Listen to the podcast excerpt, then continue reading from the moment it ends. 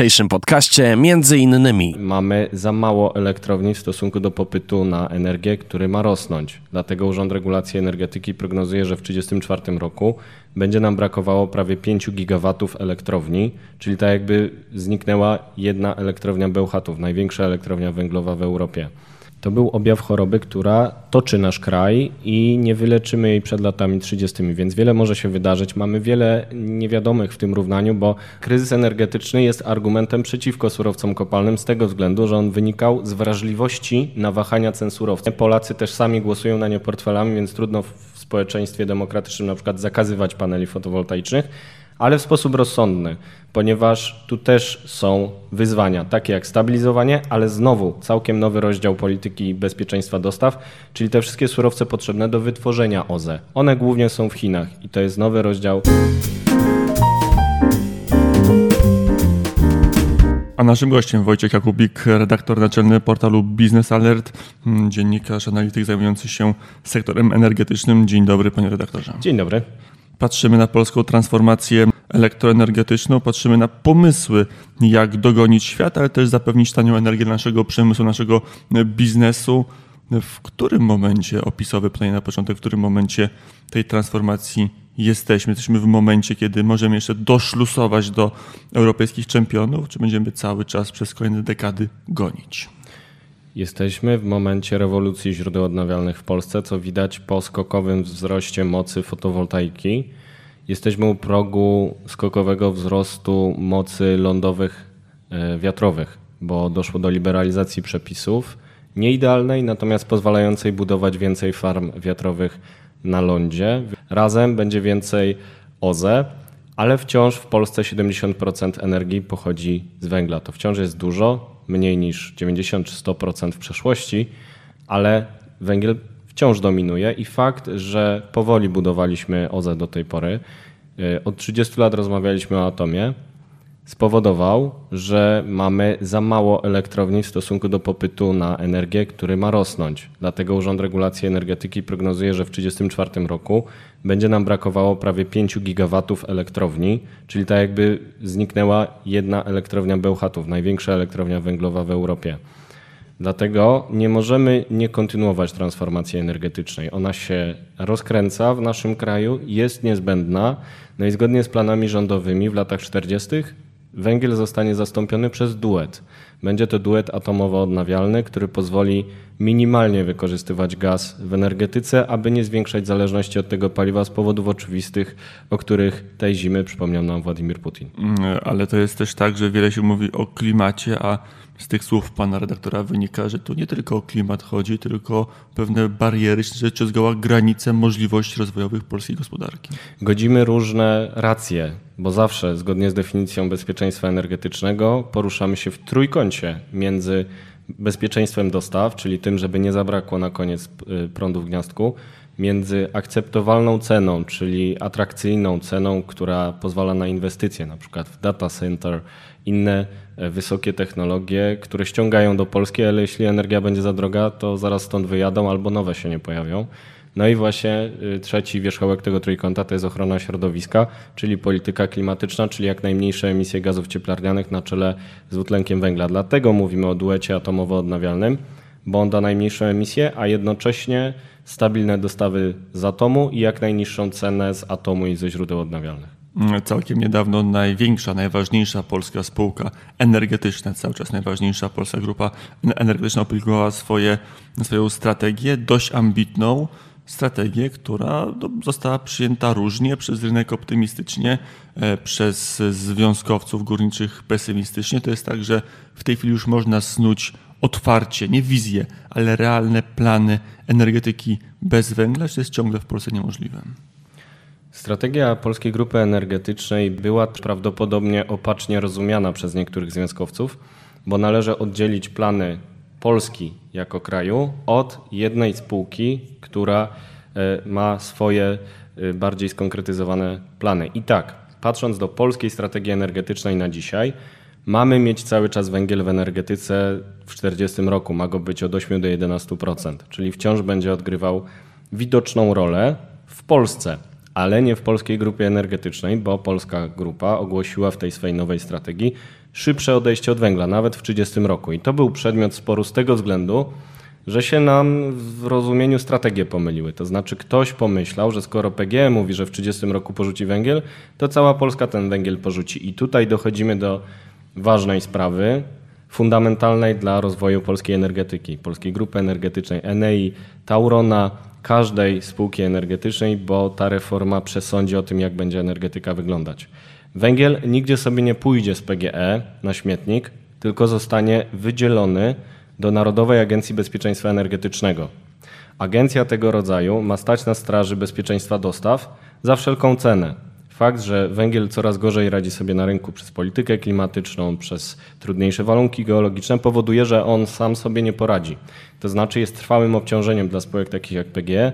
One nie są w stanie pozyskać pożyczek od banków na wielkie inwestycje jak farmy wiatrowe czy atom w Pątnowie, ponieważ mają w portfolio tenże węgiel. Dlatego reforma Y, zresztą zgodna z tym, co działo się w Europie Zachodniej, na przykład w Niemczech, zakłada, że te aktywa zostaną zdjęte z rynku zapakowane do agencji, która pozwoli im trwać ze względu na bezpieczeństwo. I one tam sobie będą trwały nawet do tego 40 roku, jeżeli taka będzie wola polityczna. Nie znikną, węgiel nie zniknie z Polski, tylko zniknie z polskiej grupy energetycznej, a ona pójdzie sobie w ten duet atomowo-odnawialny, tak jak reszta spółek. Pytanie to teraz już rzadziej sobie zadajemy, ale na potrzeby naszej rozmowy przekrojowej ja je zadam. Rzeczywiście węgiel jest tak całkowicie pase, nie ma dla niego miejsca, nie ma nadziei, że węgiel będzie jeszcze spalany przez wiele dziesiątek lat w naszych elektrowniach, tych nowoczesnych, tych, które mają wysoką efektywność. Na B to jest sposób na przedłużenie życia węgla, także ze względów bezpieczeństwa. Względy bezpieczeństwa sprawiają, że nie możemy skreślić dzisiaj węgla, chociaż on na rynku sobie radzi coraz gorzej.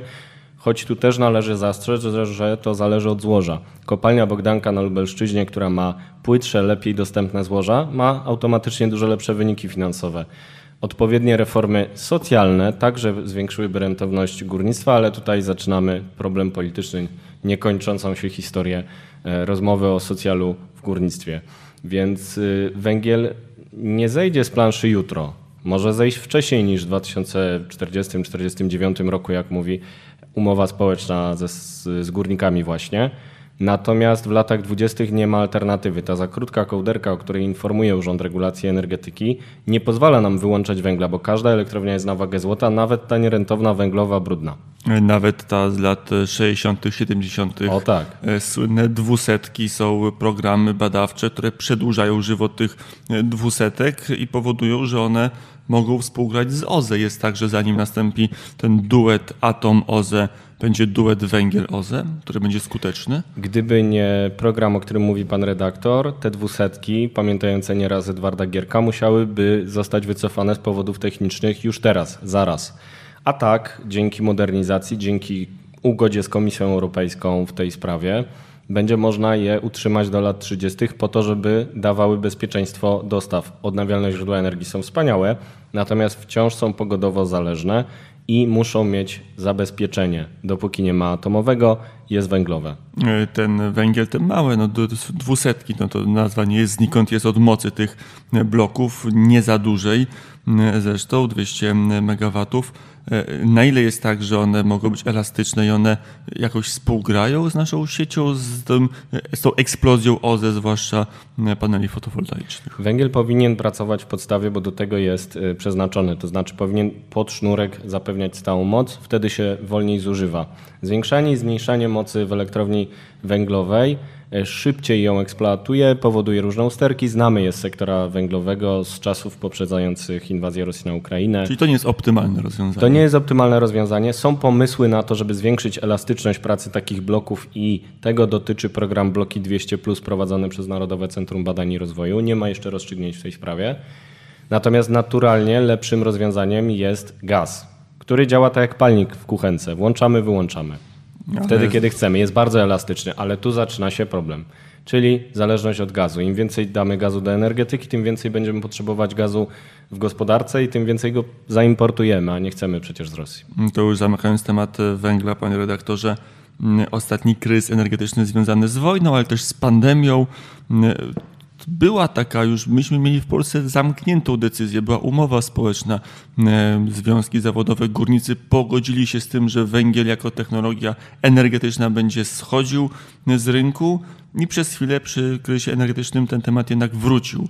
Rozważania, czy może jednak węgiel nie jest, ma swoje wady, ale czy może nie ma więcej zalet niż wad po tych kilku latach y, kryzysu.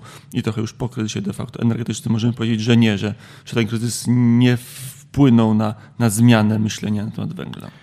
Po pierwsze, kryzys energetyczny to sprawka Gazpromu, nie wojny, nie pandemii. Gazprom wykorzystał sprzyjające warunki do tego, żeby ograniczyć podaż gazu w Europie. Rekordowe ceny gazu przeniosły się na rekordowe ceny energii i poczuliśmy to wszyscy w rachunkach z winy rosyjskiego Gazpromu, który w ten sposób strzelił sobie w stopę, bo skutek jest taki, że doszło do destrukcji popytu. Miał ponad 40% rynku w Europie, teraz to jest według Eurostatu 7,5%, zaraz będzie zero, może nawet jeszcze w tym roku 2023. Brawo Imperium Dziadów.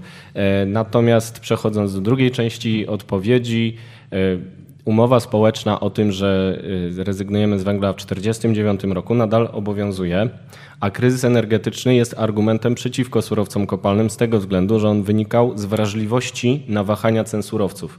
Ktoś był w stanie zawahać cenami surowców, oczywiście właśnie rosyjski Gazprom i wahania tych cen surowców po kilkadziesiąt procent dziennie spowodowały, że my to odczuliśmy.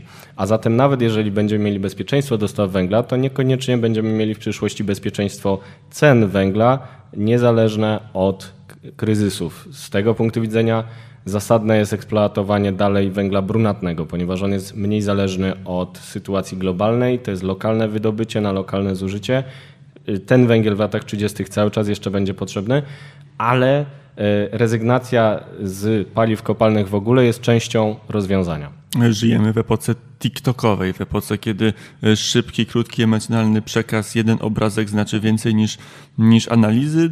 Zawsze obraz, obrazek, zdjęcie miał swoją moc, ale chyba współcześnie ma jeszcze większą niż kilkanaście czy kilkadziesiąt lat temu. Obrazek, kiedy w Niemczech wyburza się wiatraki, żeby poszerzyć pole wydobywcze węgla brunatnego, jest jakimś symptomatycznym obrazkiem, czy rzeczywiście jest, czy, czy jest takim właśnie elementem wykrzywienia rzeczywistości? To jest y, przypadek ekstremalny, natomiast natomiast y, też może przemawiać do wyobraźni, pokazywać pewne absurdy. Podobnie jak fakt, że ledwie Niemcy wiosną wyłączyły trzy ostatnie elektrownie, a teraz rekordowo importują energię z Francji, która wytwarza ją głównie z energetyki jądrowej. No i to jest przykład, mówiąc kolokwialnie, samozaorania w energetyce. Model transformacji energetycznej opalany gazem rosyjskim e, upadł w Niemczech. Niemcy się o tym przekonali, musieli w rekordowym tempie dostawiać terminale LNG. Wciąż nie mają odpowiednich mocy zakontraktowanych, bo e, same obiekty to jedno, ale potem trzeba sprowadzić skądś gaz. I tutaj gorączkowo Niemcy ruszyli e, po świecie do różnych satrapii gdzieś na Bliskim Wschodzie, którymi często gardzili. Muszą się tam prosić o gaz, który my na przykład w Polsce mamy już od 2008, potem 2018 roku zakontraktowane, czy to w Kotarze, czy w Stanach e, Zjednoczonych, więc e, obrazki, o których mówi pan redaktor, pokazują, że kryzys energetyczny sprawił, że energetyka jest oczywiście w mainstreamie dyskusji, ma znaczenie społeczne, ma także potencjał zmiany społecznej w całej Europie, bo jeżeli kryzys energetyczny wysunąłby do władzy siły populistyczne prorosyjskie, jak na przykład ruch y, żółtych kamizelek próbował we Francji, no to będziemy mieli całkiem inną Europę w całkiem innych e, warunkach, w których dużo trudniej będzie bronić wizji świata zachodniego, wolnego, e, niezależnego od wpływu totalitaryzmów. Mm, jeszcze ten obrazek może pokazywać jedno, że OZE, pan doktor powiedział, są wspaniałe, e, ale mają swoje ograniczenia. E, tak. Wiatr na lądzie, toczy się bój o ten wiatr na lądzie wśród ekspertów, wśród decydentów również. No, może ten wiatr na lądzie ma tyle ograniczeń, że, że już przestaje być wspaniały. Czy nie? nie? ma idealnego rozwiązania w energetyce. Takim świętym gralem energetyki są magazyny energii wielkiej skali, których wciąż nie widzieliśmy. Gdyby one weszły w końcu do użytku, to OZE już nie będą miały wad, bo będzie można je zabezpieczać magazynowaniem energii, nadwyżki gromadzić w magazynach i w czasie niedoborów przywracać je na rynek. Ale tego wciąż nie ma, to wciąż jest prezentacja w PowerPoincie. Natomiast y, y, polityka energetyczna państwa y, może Y, zwiększać udział źródeł odnawialnych y, w systemie. Polacy też sami głosują na nie portfelami, więc trudno w społeczeństwie demokratycznym na przykład zakazywać paneli fotowoltaicznych, ale w sposób rozsądny, ponieważ tu też są wyzwania, takie jak stabilizowanie, ale znowu całkiem nowy rozdział polityki bezpieczeństwa dostaw, czyli te wszystkie surowce potrzebne do wytworzenia OZE. One głównie są w Chinach i to jest nowy rozdział walki o bezpieczeństwo energetyczne, żeby nie spaść z podrynny, z deszczu e, rosyjskiego pod rynnę chińską. Te duże farmy na morzu to jest projekt już znacznie większy, bo i też bardziej kosztowny, ale też potencjalnie bardziej zyskowny. I bardziej przewidywalny, bo na Bałtyku wieje stabilnie. Dużo wiatru mamy na Bałtyku, tam są dobre warunki pracy takich e, jednostek. Powstają na Morzu Północnym, czemu nie miałyby powstawać na Bałtyku, z tym zastrzeżeniem, że kryzys energetyczny, galopująca inflacja, naprężenie łańcuchów dostaw tworzą także wyzwania dla tej branży. Dopiero zaczyna się dyskusja o kryzysie branży offshore, która jest widoczna na przykład już w Wielkiej Brytanii. Do nas dopiero ta rozmowa dociera, więc jak następnym razem za kilka miesięcy będziemy z panem redaktorem rozmawiać, to pewnie do naszego mainstreamu te problemy także się przeleją. Ale z drugiej strony dużą nadzieję, czy duże nadzieje są pokładane w tych projektach, że one będą dawały czystą, znacznie bardziej stabilną niż na lądzie energię z wiatru i to w tych godzinach często, kiedy brakuje energii z fotowoltaiki. Tak, bo w nocy w sposób oczywisty tej energii z fotowoltaiki brakuje, a na morzu wieje niezależnie od pory dnia, więc faktycznie... I podobno częściej właśnie wieczorem i w nocy niż w ciągu dnia. No właśnie, więc y, jak najbardziej tak jest to dobre rozwiązanie, ale znowu nie idealne z różnymi wyzwaniami. Także przeciwko offshore'owi, czyli morskim farmom wiatrowym zaczęły się protesty ekologów, bo oni zawsze znajdą jak zna, zawsze znajdą się ekolodzy, którzy będą mieli problem z jakąkolwiek inwestycją. Wolę rozmowę z tymi bardziej racjonalnymi, którzy właśnie, co ciekawe, promują ten duet atom plus źródła odnawialne. A to jeszcze tutaj do, do, do ekologów przejdźmy. Mm, jakie są kłopoty, bo jakiejkolwiek technologii energetycznej nie dotknąć, to tam zawsze jakaś ekologiczna organizacja się pojawia zdaniem pana redaktora polityka, czy, czy jednak rzeczywista troska o przyrodę? Są różni aktywiści, są tacy, którzy faktycznie troszczą się o środowisko i widać, że są w stanie prezentować konstruktywne propozycje. Na przykład Młodzieżowa Rada Klimatyczna, stworzona z młodych ludzi, którzy wydawałoby się dopiero stawiają pierwsze kroki w temacie, przedstawiła rekomendacje do polityki energetycznej Polski 2040. No i to jest bardzo konstruktywny sposób na debatę. Młodzi ludzie przedstawili swoje zdanie, ono do pewnego stopnia zostało nawet uwzględnione uwzględnione.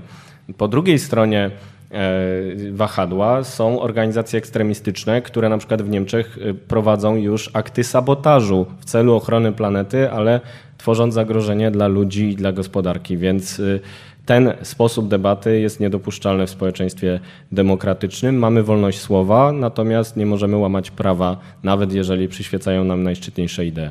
Wróćmy do polskiej transformacji energetycznej, do polskiej rewolucji w tak to można nazwać w, w elektroenergetyce.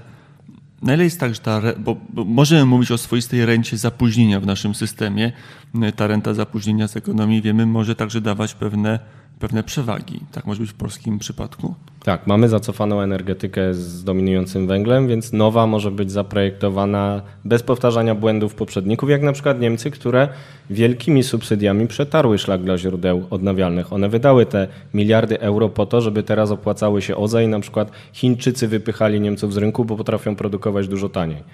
Natomiast y, my z naszym zapóźnieniem możemy niejako zaprojektować energetykę od nowa, to znaczy przetrwać trudne lata 20., w których będzie problem z opłacalnością działalności gospodarczej w Polsce, w której będzie problem z e, dostępnością mocy i dojść do lat 30., w których właśnie nasza energetyka będzie zdrowa, będzie miała element stabilny w postaci atomu, będzie miała coraz więcej źródeł odnawialnych, bo kryzys energetyczny przyspieszył rozwój czy to fotowoltaiki, czy pomp ciepła e, i w ten sposób w latach 30. nasza energetyka nie powtórzy błędów takich, które widzimy boleśnie w Niemczech, które próbował wykorzystać Władimir Putin, ale mu się nie udało. Widzimy jakąś polską specyfikę. Można powiedzieć, że polska transformacja ma jakiś swój wyraźny sznyt, takim też aspekcie pozytywnym, powiedzmy też. Wiele diagnoz Polski się potwierdziło. Ostrzegaliśmy przed ideologicznym podejściem do transformacji energetycznej. Zachęcaliśmy do tego, żeby patrzeć na liczby, żeby patrzeć na fizykę, która pokazuje różne ograniczenia.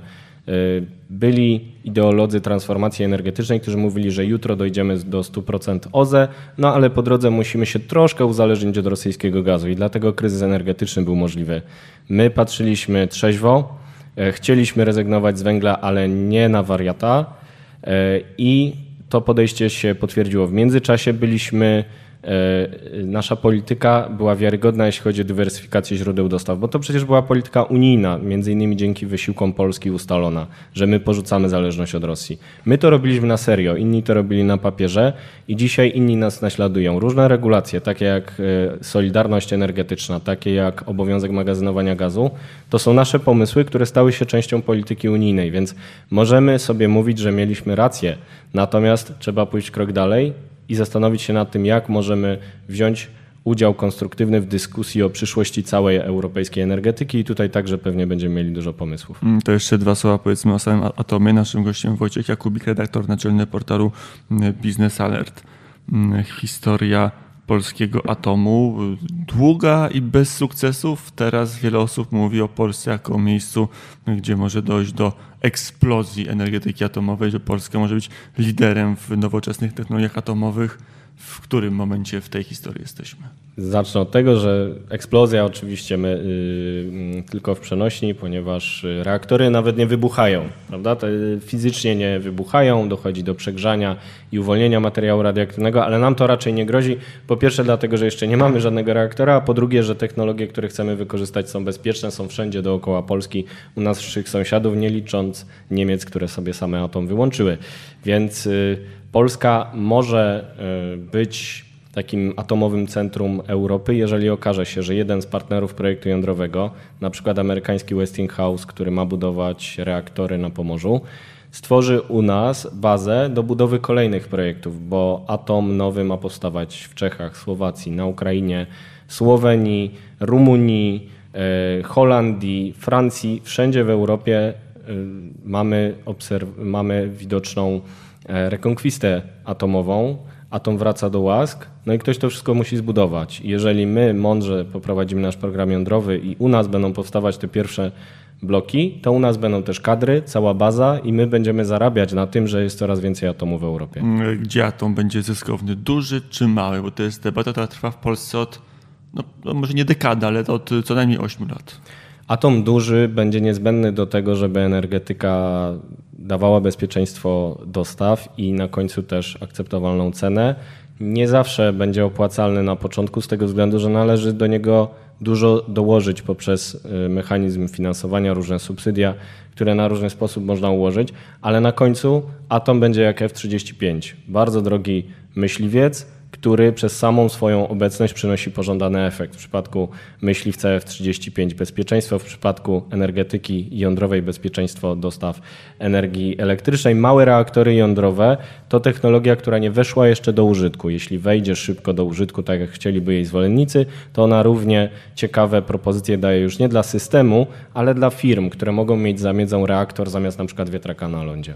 No to już na koniec wróćmy do tej wizji, którą pan redaktor e, przedstawił, że lata 20 będą trudne. Rozmawiamy w roku 23.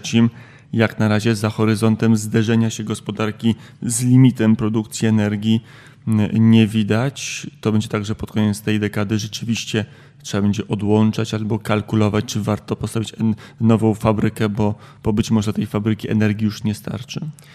Nie wiemy jak będzie. Wiadomo, że y, firmy zachodnie coraz bardziej patrzą na to, skąd pochodzi energia i gdy widzą, że w Polsce jest za mało źródeł odnawialnych, to nie podejmują decyzji inwestycyjnej.